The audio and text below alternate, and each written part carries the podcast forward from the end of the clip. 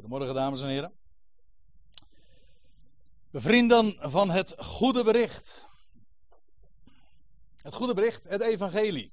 En ik wil vanmorgen, en dat zal u verbazen misschien, maar ik wil vanmorgen graag uw aandacht eens vragen voor dit onderwerp. Pinksteren. Ja, mijn broer, die is er, oh, oh, die is er zojuist al eventjes op ingegaan. Maar hij heeft geen gras voor de voeten weggemaaid hoor.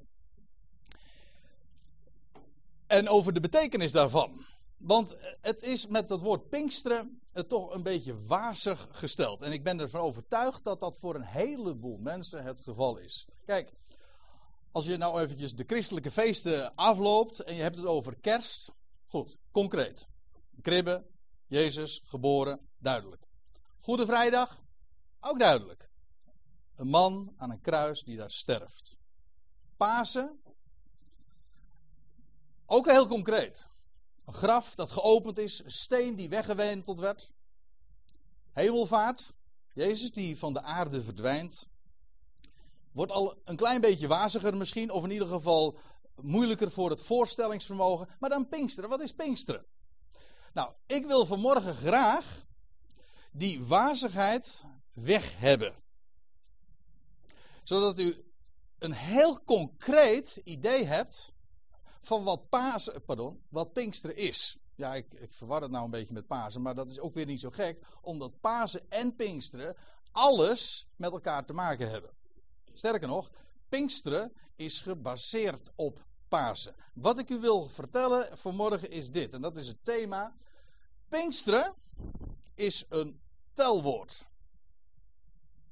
En een heleboel mensen moeten nu weer eventjes teruggaan naar de schoolbank en eventjes denken van wat was ook alweer een telwoord. Nou, je hebt verschillende telwoorden, onbepaalde telwoorden. Weet u het nog?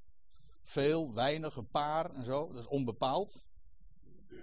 Je hebt ook gewone telwoorden, hoofdtelwoorden. Dat is 1, 2, 3, 4, 5 enzovoorts. En dan heb je ook nog rangtelwoorden en dat is Pinksteren. Dat is de eerste, de tweede, de derde. Pinksteren betekent namelijk Denk maar aan je pink. Dat is je vijfde vinger. Pinksteren betekent vijftigste. Dat is wat het woord pinksteren betekent. Vijftigste. Hoezo vijftigste? Wat we vanmorgen gaan doen, dat is tellen.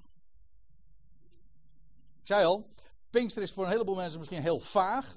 En heeft met, met, een beetje met tranceachtige dingen te maken. In de beleving van heel veel mensen. Ten onrechte, daar niet van. Maar goed, die reputatie heeft het nu één keer. Maar wij gaan heel down to earth, eh, zal ik maar zeggen, tellen. En we hebben het over data, we hebben het over kalenders. En over opeenvolgende dagen. Dat is waar we het vanmorgen over gaan hebben. Goed. Daarvoor gaan we naar Leviticus 23. Want daar vindt u de basis van wat Pinksteren is. Niet in het Nieuwe Testament. Als je helemaal van niks weet, dan zou je dat misschien denken. Of je weet maar een heel klein beetje wat van de, van de christelijke feestdagen. Niet dat ik daar op zich enige waarde aan toeken. Vindt u misschien een beetje vreemd als ik dat zo zeg, maar dat is echt zo. Want de Bijbel, het Nieuwe Testament, schrijft die dagen helemaal niet voor. Ik ga er namelijk van uit, en dat vindt u al in het Oude Testament. Spreuken 15, vers 15, onthouden. Voor de blijmoedigen is het elke dag feest. Dus ja, en dan nog Pasen en Pinksteren op één dag. En dan nog alle dagen van het jaar ook. Leviticus 23. Leviticus 23, dat is een hoofdstuk dat in zijn geheel gewijd is aan zeven hoogtijden. Zeven, dat is ik zeg altijd dat is het getal waar Gods handtekening onder staat. Of eigenlijk is het Gods handtekening. Zeven. En in het boek Leviticus daar vinden we zeven hoogtijden die Israël zou vieren. Later zijn er nog hoogtijden en feesten bijgekomen. Maar de basis zijn zeven hoogtijden. En in de eerste helft van het jaar, met name de eerste maand, vind je vier hoogtijden. En die vier hoogtijden in de eerste helft van het jaar, laat ik dat meteen al verklappen, die houden allemaal verband met de eerste komst van Christus. Daarna heb je een heel aantal maanden niks. En dan krijg je de zevende maand. De tweede helft is dat in, dus van het jaar inmiddels. Daar heb je nog drie resterende hoogtijden. Ik wil ze wel eventjes noemen. Die, die hoogtijden houden allemaal verband met de tweede komst van Christus. Heel makkelijk te onthouden. De, de hoogtijden in de eerste helft van het jaar houden verband met de eerste komst van Christus. Ik ga dat straks nog duidelijk maken. De hoogtijden in de tweede helft van het jaar, in de zevende maand. Dan worden dingen afgemaakt, volkomen gemaakt. Dan is het totaal, eh, dan is het rond.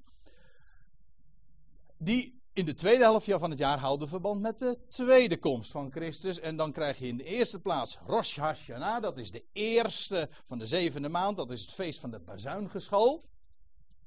Merkwaardig genoeg uh, is, viert Israël dan het nieuwjaarsdag. Ja, ja, halverwege het jaar. Of in de tweede helft van het nieuwe jaar. Dan wordt uh, nieuw, nieuwjaarsdag gevierd. Waarom dat is, daar gaan we het nu niet over hebben. Maar zo is het nu één keer. Dan krijg je tien dagen later Yom Kippur. Dat is de verzoendag. En dan nog een vijftal dagen later, en dat is een, een, een, feest van een week lang, krijg je Sukkot, oftewel het Loofhuttenfeest. En die drie hoogtijden in de zevende maand houden allemaal verband met wat straks gaat gebeuren. Als de bazuin gaat klinken als voor Israël de grote verzoendag zal aanbreken. En bovendien er ook een feest gevierd zal gaan worden voor heel de volkerenwereld. En de, de wijnoogst zal worden binnengehaald, want dat is Loofhuttenfeest. Houdt allemaal verband met de toekomst. Met de tweede komst van Christus. Maar wij gaan even inzoomen op die eerste helft. Leviticus 23. Als u die eerste acht versen van dat hoofdstuk leest dan vind je in de eerste plaats vermeld op de 14e Aviv, want die eerste maand heet Aviv. Weet u wat Aviv betekent? Die maand die had nog andere namen ook. Nisan wordt er bijvoorbeeld genoemd. Als u een statenvertaling of een MBG-vertaling leest, dan is het Abib. Maar uh, ja, Abib vind ik een beetje raar. Het is ook trouwens in het Hebreeuws gezegd Aviv. Is ook makkelijk te onthouden, want u kent toch die stad, Tel Aviv. Tel Aviv betekent heuvel van lenten, of lenteheuvel dus. Aviv is lente. Het is namelijk de eerste maand van het jaar in de, op de Hebreeuwse kalender, op Gods kalender zal ik maar zeggen. En dan, uh, dat is de, de maand waarin de lente aanvangt. Nou, op de veertiende dag van die maand, wordt, dat wordt dus al in Leviticus 23 gezegd, was dus al, nou pak weg, 1500 jaar voor de komst van Christus was dat al gefixeerd, die datum. Namelijk, op die dag zou het paascha geslacht worden. Het was namelijk ook weer gebaseerd op de uittocht uit Egypte. U weet het toch, die geschiedenis. Dat, dat Israël veilig was achter de deur wanneer die posten bestreken waren met het bloed van het lam.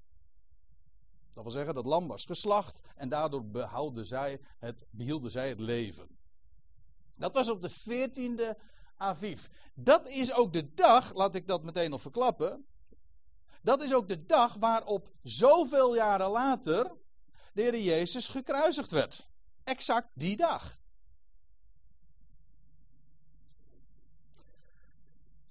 Dan, dan, volgt op de 14e Aviv. U, u, leest dat dus in Leviticus 23. U moet het voor uzelf nog maar eens een keertje gewoon nakijken. Dan krijg je de 15e Aviv. En dan begint het feest van de ongezuurde broden. Het feest van de ongezuurde broden. En die dag was een sabbat. Dat wil zeggen, ongeacht op welke dag van de week het viel, maar op die dag mocht er geen generlei slaafse arbeid verricht worden. Zo lezen we dat plechtig. Dat is de vijftiende. Dat was dus de eerste dag dat de Heer Jezus in het graf lag. Die ook inderdaad Sabbat hield. Generlei arbeid hoefde meer verricht te worden. Hoefde ook niet, want alles was volbracht. Goed. Dan komen we nu bij die derde hoogtij. En daar wil ik eerste in de eerste plaats uw aandacht voor vragen nu.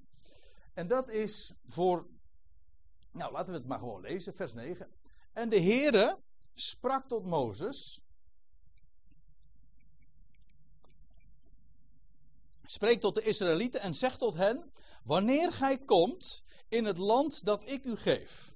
En de oogst, dat wil zeggen de gersteoogst, dat is de eerste oogst die binnengehaald wordt. En de oogst daarvan binnenhaalt, dan zult gij de eerstelingsscharven van uw oogst, van die gersteoogst dus, naar de priester brengen. Let eventjes goed op, er wordt hier geen datum genoemd wanneer dat gevierd moest worden. Bij al die andere hoogtijden wordt er gezegd, het moest plaatsvinden op de 14e of de 15e of de, de eerste van de maand of de... Kan niet schelen, altijd worden de data erbij genoemd. In verband met dit feest, met deze hoogtijdag, niet.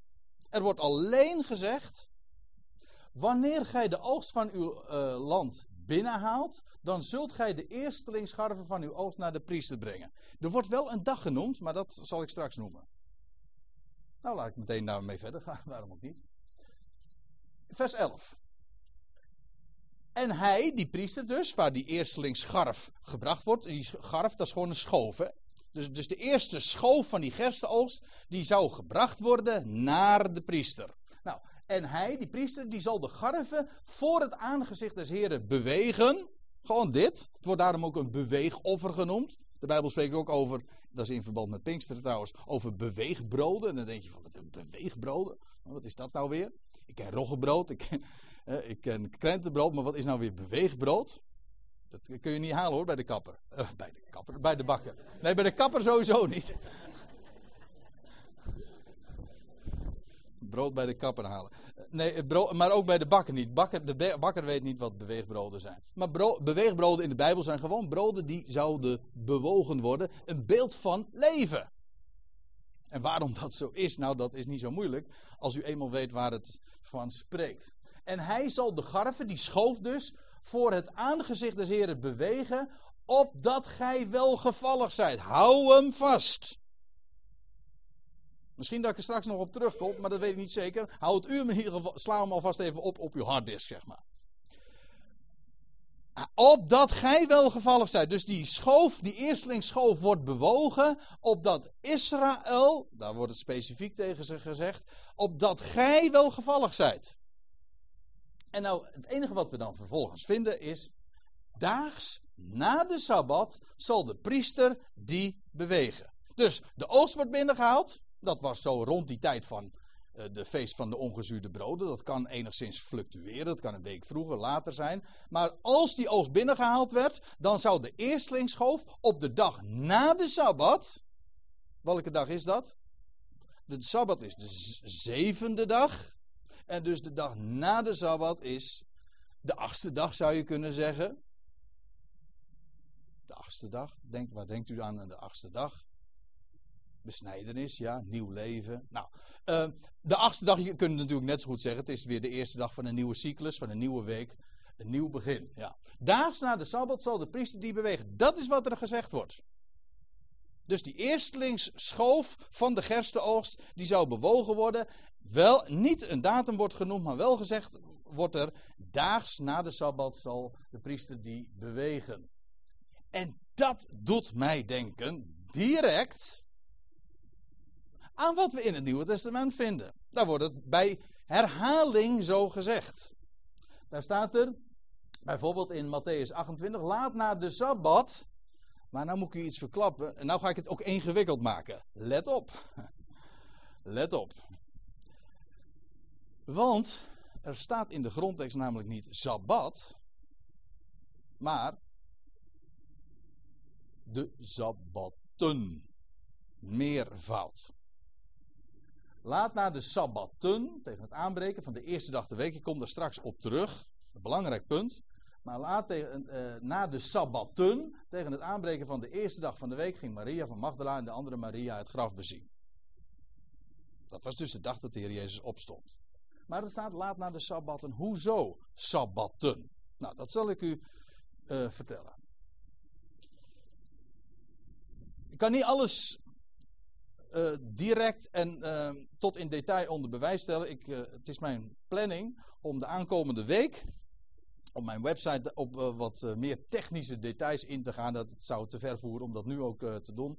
Maar dan wil ik op deze kwestie nog wat, wat uitvoeriger terugkomen. Dus u, als, als, u interesse hebt, dan kijkt u gewoon op www.goedbericht.nl. Dan ziet u nog meer informatie daarover. Maar ik zal u vertellen hoe dat naar mijn overtuiging en wat ik daar vanuit de Bijbel over geleerd heb, hoe dat gegaan is. Kijk, op donderdag is de Heer Jezus gekruisigd. Donderdag 14 Aviv. De dag dat het paascha geslacht werd. Het was de dag dat de Heer Jezus ook gekruisigd werd. Dan krijg je vervolgens de eerste nacht die de Heer Jezus doorbrengt in het graf. Dan volgt uiteraard vrijdag en dat is de 15e Aviv. En dat was, daar heb ik u al op gewezen, dat was het begin van het feest. En dat wil zeggen, het was ook een sabbat, dat wil zeggen, er mocht op die dag geen arbeid verricht worden. Waarom? Wel omdat het 15 uh, eh, Aviv was. Het was de eerste dag van het feest van de ongezuurde broden. Er mocht geen slaafse arbeid verricht worden. Dat was de eerste dag die de Heer Jezus doorbracht. De volle dag in het graf. Dit was dus een vrijdag. Dan vervolgens de tweede nacht die de Heer Jezus doorbracht in het graf. Dan krijg je de zaterdag. Dat is de 16e Aviv dus. En dat is de zaterdag, dat is dus de zevende dag van de week. En dus Israël viert dan de Sabbat. Weer een Sabbat, maar nu gewoon de vaste wekelijkse Sabbat.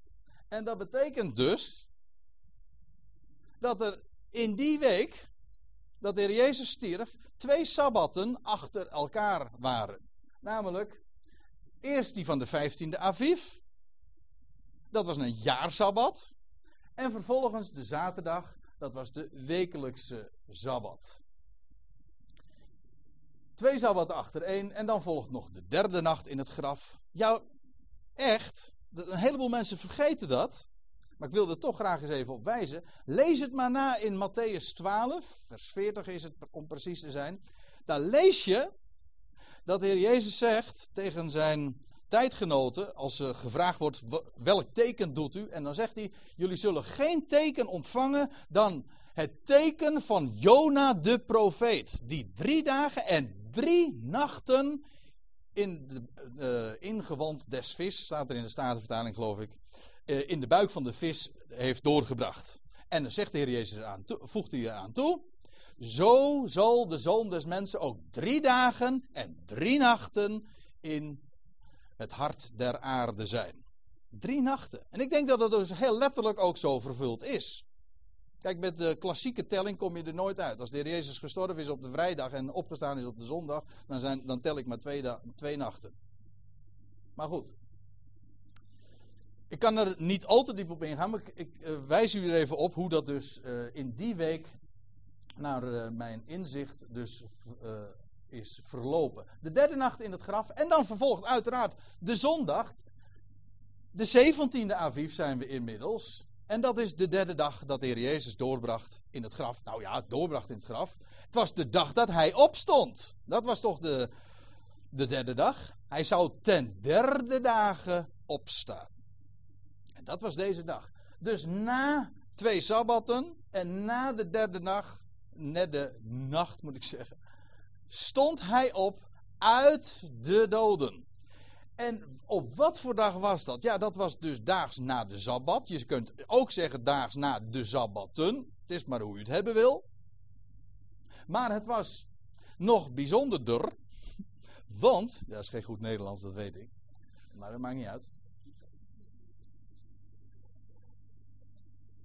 Want die 17e Aviv was een hele bijzondere datum. Want het was namelijk weer een hoogtijdag. Maar ik heb u dat al aangegeven, want het was dus daags na de Sabbat. En wat was dat voor een dag? Wel, dat was de dag dat de eerstelingsscharven bewogen zou worden door de priester. Nou, en dat is de dag dat de Heer Jezus opstond. De dag van de eerstelingsscharven. Moet eens opletten wat je in Leviticus 23, vers 12 leest. Over wat er zou plaatsvinden op die dag. Daar staat er: Gij zult op de dag waarop gij de garven, die schoof dus, beweegt, een gaaf eenjarig schaap de Heere ten brandoffer bereiden. Brandoffer betekent letterlijk, is letterlijk in het Hebreeuws een opstijgoffer. En degene die de laatste studiedag hebben bezocht in Rijnsburg een paar weken geleden, die hebben ook uh, kunnen vernemen, en ik hoop het uh, ook enigszins duidelijk gemaakt te hebben, dat een offer altijd spreekt van de opstanding van de Heer Jezus Christus. Zeg dat nog eens. Oké. Een offer spreekt altijd van de opstanding van de Heer Jezus Christus. Meestal wordt er gezegd, een offer, de offers die spreken van de dood van de Heer Jezus. Dat is maar half goed en dus feitelijk fout. Want een offer moest eerst geslacht worden. En dat die slachting, dat, is, uh, dat vindt zijn vervulling in de kruisiging van de Heer Jezus. Maar dat was, als een dier alleen maar geslacht werd, dat was niet een offer. Nee, het offer vond daarna plaats. Eerst werd een dier geslacht en vervolgens werd het op het altaar geplaatst, verhoogd en steeg het op goden tot een liefelijke reuk, lees je dan.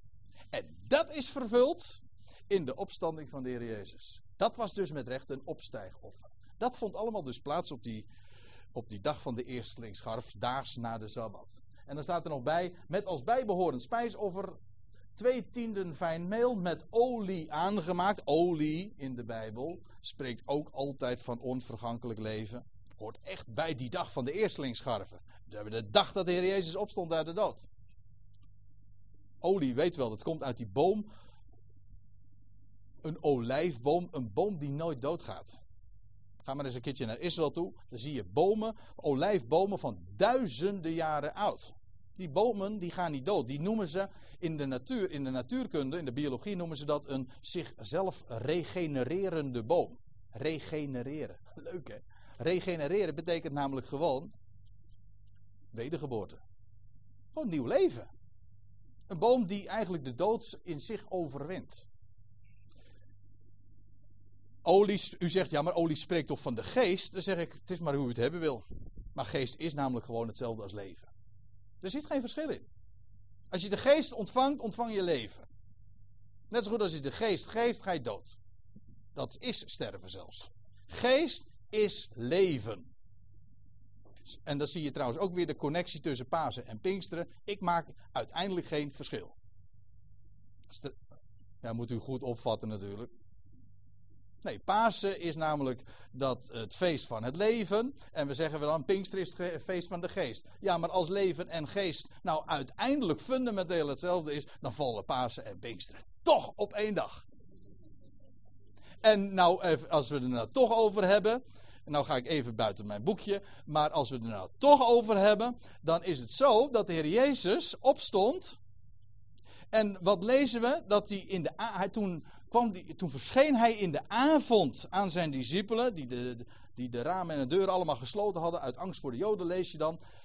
Maar staat er dan, hij verscheen in hun midden en hij, je leest het, lezen we na in eh, Johannes 20, hij blies op hen en hij zei, ontvang mijn geest. Op de dag van de opstanding. Ontvang mijn geest. Pasen en Pinksteren op één dag. Ja, u zegt maar die, die vijftigste dag, wat vond er toen plaats? Nou, toen kwam de geest over hen.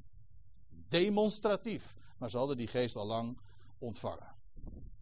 Ja, dat leven, dat leven van die opstanding, dat ontvang je op het moment dat je hem leert kennen als de opgestane. Dat kan niet missen. Goed, ik geef, lees nog even door. Uh, een spijsoffer, twee tiende fijn meel met olie aangemaakt. Ten vuuroffer tot een liefelijke reuk voor de heren. En als bijbehorend plengoffer een vierde hin. Dat is ongeveer een liter. Wijn. En wijn. Ja, wijn is een embleem van vreugde. Eet uw brood met vreugde, staat er in Prediker 9. En drink uw wijn met een vrolijk hart. Een wijn is het dat de harten van God en mensen verheugt. En zeggen de Joden dan ook, als ze een glas wijn opheffen, zeggen ze op het leven, legaim. In het Amsterdamse is het de gaaien. De gaaien. Maar het is gewoon legaim, op het leven. Dat is wat uh, wijn, waar wijn van spreekt. Goed. Dus dat vond allemaal plaats op die dag na de Sabbat, die dag van de eerstelingsscharven, waren dit ook van die rituelen. Maar ze onderstrepen allemaal de betekenis. Die 1500 jaar later, nadat God deze inzetting aan Israël gegeven had, vervuld zou worden. Nou, dan lezen we, in, we gaan weer verder, in, eh, we pakken de draad op in Leviticus 23, daar staat in vers 15, dan zult gij tellen, heb je tellen, want Pinkster is gewoon gebaseerd op, er wordt geacht dat je niet tot 10 kunt tellen, maar wel tot, dat je zelfs tot 50 kunt tellen. Dan zult gij tellen van de dag na de Sabbat, want over die dag hadden we, hebben we het natuurlijk.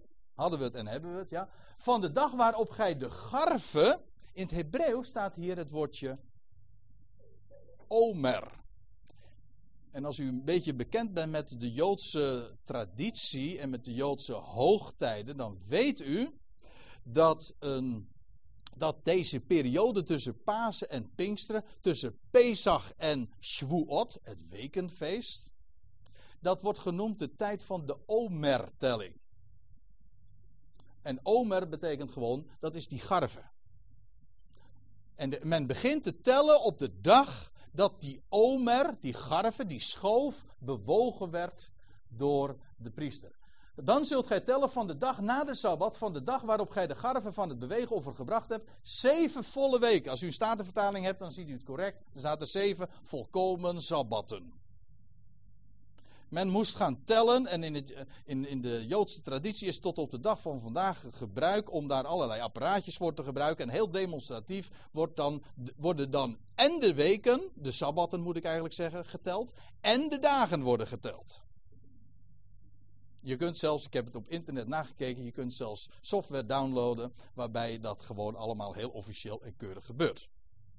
Ja, je hebt er ook wel wat meer. Als je, als je een beetje beter bij de pinken bent, hè, dan, uh, dan kun je het ook wat simpeler doen. Maar heel officieel en demonstratief wordt dat dus geteld tussen Pasen en Pinksteren, tussen Pesach en het wekenfeest. Zeven sabbatten zullen het zijn. Tot de dag dan staat er na de zevende sabbat zult gij tellen. Vijftig dagen. En daar hebben we Pinksteren. Dan zult gij een nieuw spijsoffer de Heer brengen. En dan wordt er namelijk een, een nieuwe oogst binnengehaald. En dat is niet de gersteoogst, maar de tarweoogst. Ja. Er zitten hier nog een aantal mensen ja, die uh, dat zich nog kunnen herinneren. Dat we nog niet zo een, heel lang geleden er hier op deze plaats ook over hadden. Over die geschiedenis van Rut, weet u nog? Dat vond ook allemaal plaats tussen gersteoogst en de tarweoogst. Boas komt in beeld, staat er dan bij het begin van de gersteoogst. Einde van Rut 1. Mooi hoor. Goed. Let op, daar staat, het gaat me nu eventjes om één ding duidelijk te maken. En dat is, dan zult gij tellen vanaf de dag na de Sabbat. Dus de dag na de Sabbat, dat die, dat beweegoffer gebracht zou worden, dan zou men gaan tellen. Zeven volle, volkomen Sabbatten. Dan begint dus een telling van Sabbatten. Aha, en nou komt een andere uitdrukking in beeld. Die we in het Nieuwe Testament tegenkomen, maar die door de vertaling volkomen is verdwenen. En dat zal ik u vertellen. Bijvoorbeeld in Marcus 16, maar u vindt de uitdrukking geloof van een stuk of 7, 8 keer in het Nieuwe Testament. Er staat er in Marcus 16, vers 1, de geschiedenis van de opstanding van de Heer Jezus Christus. En zeer vroeg, op de eerste dag der week, gingen zij naar het graf toen de zon opging. Maar weet u dat dan niet staat de eerste dag der week? Het was weliswaar, ook in mijn, uh, naar mijn overtuiging, de eerste dag van de week, was de dag na de Sabbat. Dat wel, maar er staat iets anders. En dat is zoveel mooier. En dat wil ik u niet onthouden. Houd hem vast. Er staat dit. Er staat eigenlijk één van de sabbatten. Dat betekent niet dat het een sabbat was, maar het was dag nummer één van de telling van sabbatten die op die dag begon. Ja, het woordje één, en dat, ik, daar wil ik dus uh, van de week wat, wat dieper op ingaan op mijn website, maar daar wil ik daar nog wel wat meer over vertellen, want dat is Daar zitten nogal wat uh, haken en ogen aan en vragen die je daarover kunt stellen. Maar het punt is dat één niet slaat op sabbatten, grammaticaal gezien. Maar het is, één, het is eigenlijk dag nummer één van de sabbatten. Er gingen namelijk sabbatten geteld worden. En de Heer Jezus stond op op de dag van de eerstelingsscharven. En die uitdrukking de eerste dag der week, dat is niet, dat is niet, niet, niet correct. Het is, de, het is dag 1 van de sabbatentelling namelijk. Het is de dag, oftewel, het is de dag van de eerstelingsscharven. Het is gewoon een technische uitdrukking in het Nieuwe Testament die direct verwijst naar de Hebreeuwse kalender. Het is de dag van de garven van de eersteling. De Heer Jezus stond op. Hij stierf op de dag dat het paaslam geslacht moest worden. Hij lag in het graf dat Israël absolute rust moest houden. En hij stond op daags na de Sabbat dat de eerstelingsschoof, de eerstelingsscharven van de gerstenoogst. Je gaat heel anders aankijken tegen gersten en alles wat, wat je van gerst kunt maken. Ja. En dat, ja, nou, ik, zit eventjes te denken van, wat, wat zullen we daarover zeggen? Hè? Over, over gerstenat. Nou goed, dat bewaren we voor een andere keer nog. Maar de Heer Jezus stond dus op op de eerste dag van die telling. Dat men begon te tellen. De dag van de eerstlingsschoof. Geweldig. Kijk. En de apostel Paulus in 1 Korinthe 15 gebruikt ook uitdrukkelijk die uitdrukking. 1 Korinthe 15, het hoofdstuk bij uitstek dat zo geweldig diep ingaat op de levendmaking en op de waarheid dat de dood overwonnen is en ook volkomen teniet gedaan zal worden. Nou, dan staat er in vers 20 van 1 eh, Korinthe 15, maar nu, Christus is opgewekt uit de doden als eersteling. Als eersteling van hen die ontslapen zijn. Eersteling. De koppeling kun je direct maken met de dag van de eerstelingsschoof. De dag van de eerstelingsscharven. Het was de dag na de Sabbat dat de Heer Jezus opstond uit de dood. De dag dat die priester die schoof bewoog voor de Heer. Als uitdrukking van leven opdat gij welgevallig zijt. Want de, wij zijn, en dat is niet, geldt niet alleen voor Israël, maar het geldt feitelijk voor heel de mensheid. En voor hen die in Christus zijn, dat wij welgevallig zijn, niet op grond van iets van onszelf, maar helemaal en puur omdat Hij leeft. En omdat God ons al aanziet in Hem.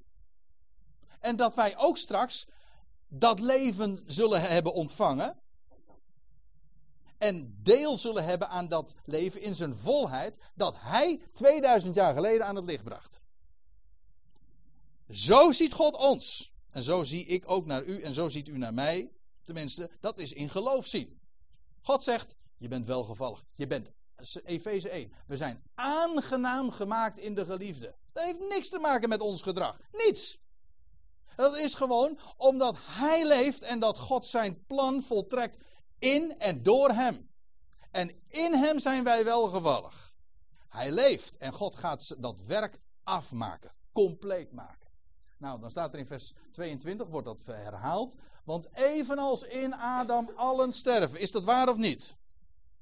Gewoon alle mensen sterven. Waarom? Omdat we gewoon nakomelingen zijn van Adam. Wel, zo zullen ook in Christus allen levend gemaakt worden. Diezelfde mensheid die nu onderworpen is aan de dood en die sterft. We, zijn gewoon, we lopen met de dood in onze schoenen. Maar diezelfde mensheid, die zal in Christus worden levend gemaakt. Maar staat er dan nog bij in vers 23, schrijft Paulus dat. Maar ieder in zijn eigen rangorde. Christus, daar heb je het weer, als eersteling.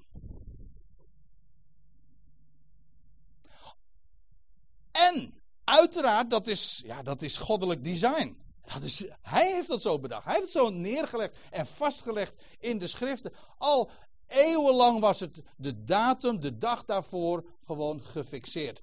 Daags na de Sabbat. zal de eerstlingsschoof door de priester bewogen worden. Oh. En ik beweeg een beetje te veel, geloof ik. Hoe gaat dat, uh, Ronald?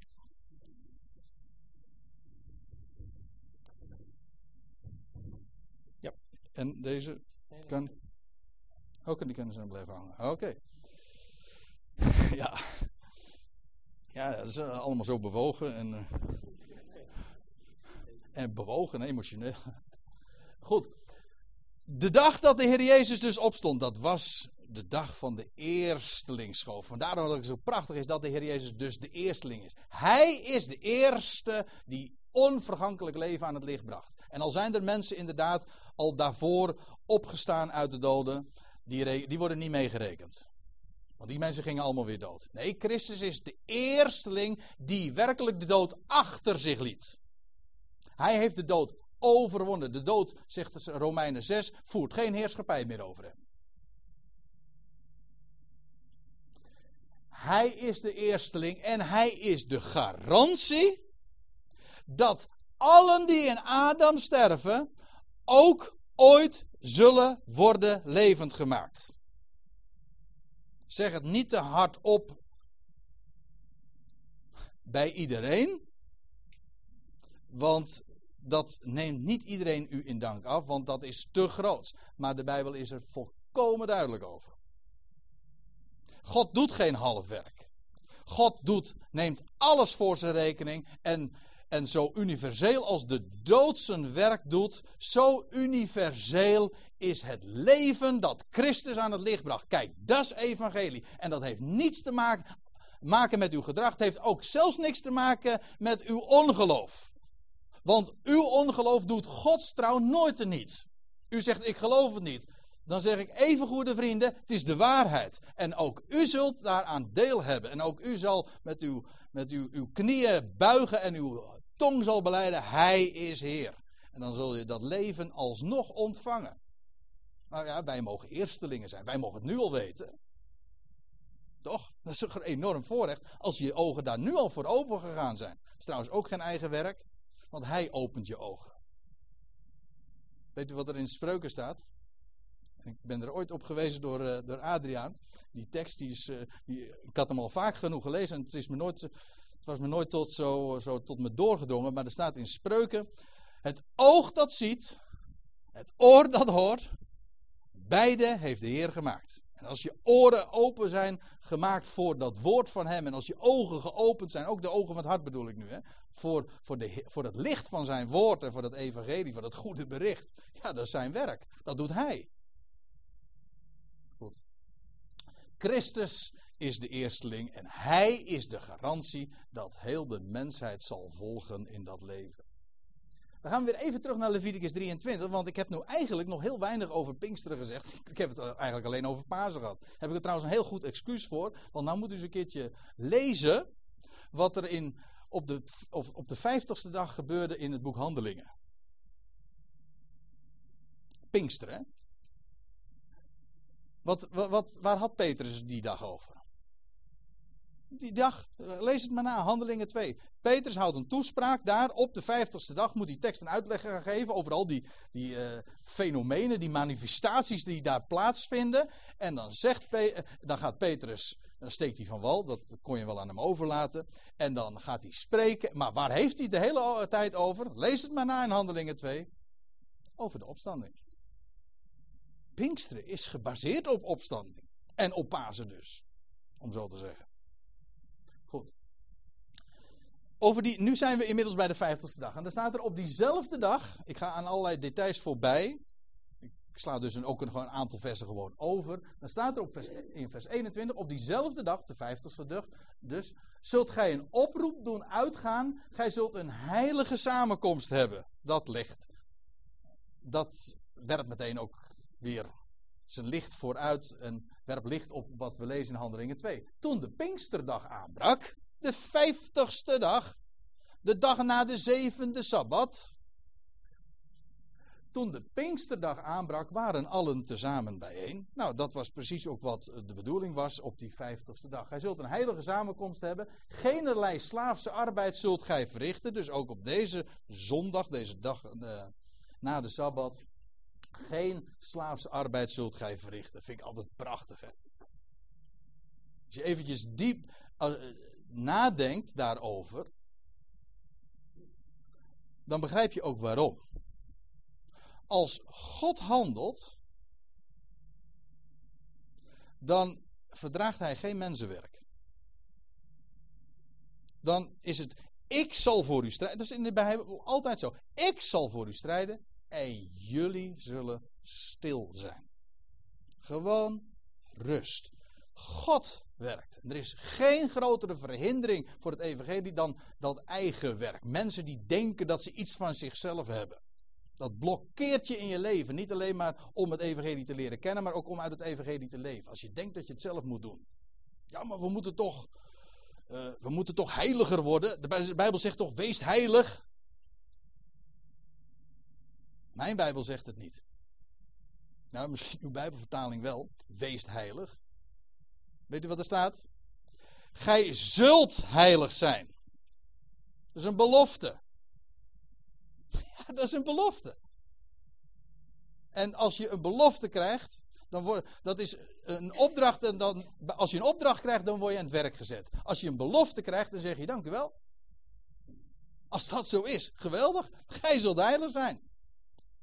En dan is het God die een toezegging en een aanzegging doet. En dat geef ik je. Ik zal het doen. Goed, geen slaafse arbeid zult gij verrichten. Het is een auto's durende inzetting en al uw woonplaatsen voor uw geslachten. Wanneer gij de oogst van uw land binnenhaalt, dan zult gij de rand van uw veld bij uw oogst niet geheel afmaaien. En wat van uw oogst is blijven liggen, zult gij niet oplezen. Dan zult gij voor de arme en de vreemdeling, of pardon, dat zult gij voor de arme en de vreemdeling laten liggen. Ik ben de Heere uw God. Het boek Handelingen kun je er zo naast leggen. Het boek Handelingen begint, in hoofdstuk 2 althans, Daarmee wordt de toon gezet voor het, hoofd, het hele boek eigenlijk. Dat begint met die Pinksterdag. Dan wordt er een oogst binnengehaald. De oogst van het land. De oogst in wezen ook van, van Israël. Nou ja, de volkeren liggen al wel in het perspectief, maar eerst zou Israël weten wie de Messias is. En daarom is het ook zo dat op de Pinksterdag gezegd wordt door Petrus, en dus moet het ganse huis Israël zekerlijk weten dat Jezus, dat God hem tot Heer en tot Christus gemaakt heeft. Israël zou tot inzicht komen. De oogst van het land, de oogst van het land Israël zou worden binnengehaald. En dat is het boek Handelingen. Israël wordt aangezegd en wordt gepredikt dat Jezus Christus is opgestaan uit de doden en dat hij de levensvorst is. En er wordt gepredikt, kijk het naar na in het boek Handelingen, met name hoofdstuk 3 is daar heel duidelijk over. Er wordt gepredikt dat als Israël tot geloof zou komen in de Messias, dan zou de Messias ook terugkeren naar de aarde en dan zouden alle beloften in vervulling gegaan die uh, in de profeten beschreven staan. Dan zal, het, dan zal de bazuin gaan klinken en dan zal het verzoendag worden voor Israël en dan zal het, het, het Loofhuttenfeest eh, wereldwijd gevierd gaan worden. Ja, ja. Dat is het, de, boek Handelingen. Heel het boek Handelingen is gecentreerd rond die vraag: zult gij in deze tijd het koninkrijk voor Israël herstellen? Maar we weten ook iets anders, en dat is dat er in het boek Handelingen opnieuw een afwijzing van Israël plaatsvindt. Israël struikelt opnieuw over de steen des aanstots. En dan komt er een andere apostel in het vizier, een dertiende apostel. En hij gaat geheimen vertellen. En hij gaat vertellen dat daar een, dat daar een hele goddelijke reden aan ten grondslag ligt. Dat hun val dat ze het evangelie opnieuw af, uh, afwezen. Dat hun val, dat is de rijkdom van de heidenen.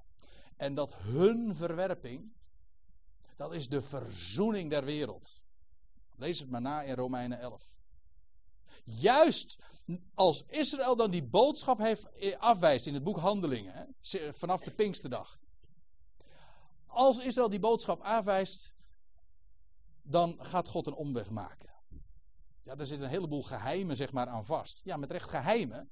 Want zo wordt het ook genoemd. Geheimenissen, die Paulus dan vertelt. Verborgenheden. Waarom God een omweg maakt. Hij komt uiteindelijk toch weer gewoon terug uh, en terecht bij het volk Israël. Ja, want God laat namelijk nooit varen het werk van zijn handen. Als God A zegt, dan zegt hij ook B. En dan gaat ook nooit iets mis. En hun val, dat is de rijkdom van de heidenen. En hun verwerping, dat is de verzoening der wereld. Wel, dat is de boodschap die vandaag verkondigd mag worden. De verzoening der wereld. Evangelie. Genade. Louter genade. Geen enkel werk. Dat is de boodschap van vandaag. Met het uitzicht inderdaad dat het koninkrijk straks gevestigd gaat worden. Dat het grote verzoendag zal worden voor Israël. En dat, dat het koninkrijk gevestigd zal worden in Jeruzalem, daar in het Midden-Oosten. En dat, het, dat de vrede en de gerechtigheid wereldwijd zal, zal gestalte zal gaan krijgen. Dat is waar. Maar vandaag leven wij in die tussentijd. En, en dan moet je wezen bij de apostel Paulus. Die daar zoveel over te vertellen heeft. En ook wij hebben die geest ontvangen. Als onderpand, zegt Efeze. Ja, ieder die gelooft dat de Heer Jezus Christus Heer is, dat wil zeggen dat God hem uit de doden heeft doen opstaan. Hoe, hoe was het ook alweer? Het is uw geest die mij doet zeggen. Jezus is de Heer. Ja, dat is niet alleen maar een lied, maar het is ook precies wat uh, Paulus schrijft in 1 Corinthië 12. Niemand kan zeggen Jezus is Heer dan door de Heilige Geest. Wij hebben die geest ontvangen. Diezelfde geest die ooit Jezus uit de doden deed opstaan, die hebben wij nu ontvangen. Als je gelooft in Hem. Is dat zo simpel? Ja, dat is zo simpel, ja. Moet je daar niks voor doen? Nee, niets.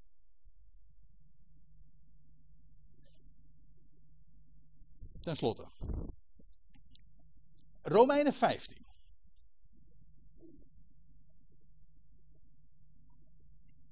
Als het gaat over die werking van de geest. Want denk daar niet gering over. Over die geest van God. Kijk, een heleboel mensen die, die, die staren zich blind op Pinksteren. En nou ja, zojuist uh, gaf mijn broer al eventjes daar een voorbeeld van. Je hebt uh, Pinksterconferenties en dan worden er grote nadruk gelegd op, op, ja, op wat er ooit plaatsvond toen in Handelingen 2. En, en die demonstraties van van, uh, van, uh, van tongentaal. Overigens, wat er vandaag voor tongentaal versleten wordt, is iets totaal anders. In Handelingen 2 lees ik dat, dat het wonder plaatsvond. We horen hen allemaal in onze eigen taal van de daden God spreken. Moet je nu eens een keertje naar, naar tongentaal luisteren. Of wat voor tongentaal versleten wordt. Brabbeltaal, zo noemt men het zelf ook trouwens hoor. En dan zeggen ze ja, dat is een hemelse, hemelse taal. Nou, in de Bijbel zijn, is spreken in talen altijd zijn, heeft te maken met concrete talen. Maar staar u daar nu, nu niet op blind. Op dat soort manifestaties. Alles vandaag is verborgen. Maar die geest van God, die wij hebben ontvangen. De geest van God komt niet over ons. Dat gebeurde in, in Handelingen 2. De geest van God, die woont in ons. Wij worden op het moment dat we geloven, Efeze 1 vers 13, gelovende zijt gij verzegeld met de geest der belofte die een onderpand is van onze erfenis. Een aanbetaling. We hebben die geest ontvangen en dan staat er in, in Romeinen 15 wat dat allemaal bewerkt. Er staat de God nu van de hoop. Want God is de God van de hoop, hè, van de verwachting. En die hoop is zo enorm groot, zo wereldwijd en zo ook onvoorwaardelijk. De God nu van de hoop vervullen u met louter vreugde en vrede in uw geloof. Letterlijk staat er in het geloof. Het gaat niet om uw geloof, maar het geloof. Om overvloedig te zijn in de hoop. En nou komt het. Door de kracht des Heilige Geestes. Staat er in de FNBG-vertaling dan zo. Maar u begrijpt wat het is. Door de kracht van die Heilige Geest. De kracht namelijk van die Geest die Jezus Christus ooit deed opstaan uit de doden. Die kracht, die woont in ons. En die kracht die is in staat precies wat hier staat. Om ons te vervullen met louter vreugde. En vrede in het geloof. Om zelfs niet alleen vervuld te zijn, maar dus zelfs van over te vloeien. En dat is Gods werk. Dat is een belofte. Daarom staat er ook bij in het geloof. Wie aanvaardt, wie gelooft dat God alles doet. En dat God ook bij macht is dit te doen. Om je louter te vervullen met vreugde en vrede. Die zal dit ervaren. Want God is namelijk een God van hoop. En van belofte. Hij eist niets. En alleen dat al. Dan, alleen dat al. Dat, dan gaat er een, een last van je schouder. Want er is rust. Je, hebt, je krijgt een, eh, te maken met een God die om niet weggeeft, weggeeft, weggeeft. En een, zo'n enorme overvloed voor ons bestemd heeft. En inderdaad, dan ga je danken. Als je genade leert kennen, ga je danken. En dan zul je inderdaad steeds voller worden van die vreugde en vrede waar hiervan gesproken wordt. Door de kracht van de Heilige Geest.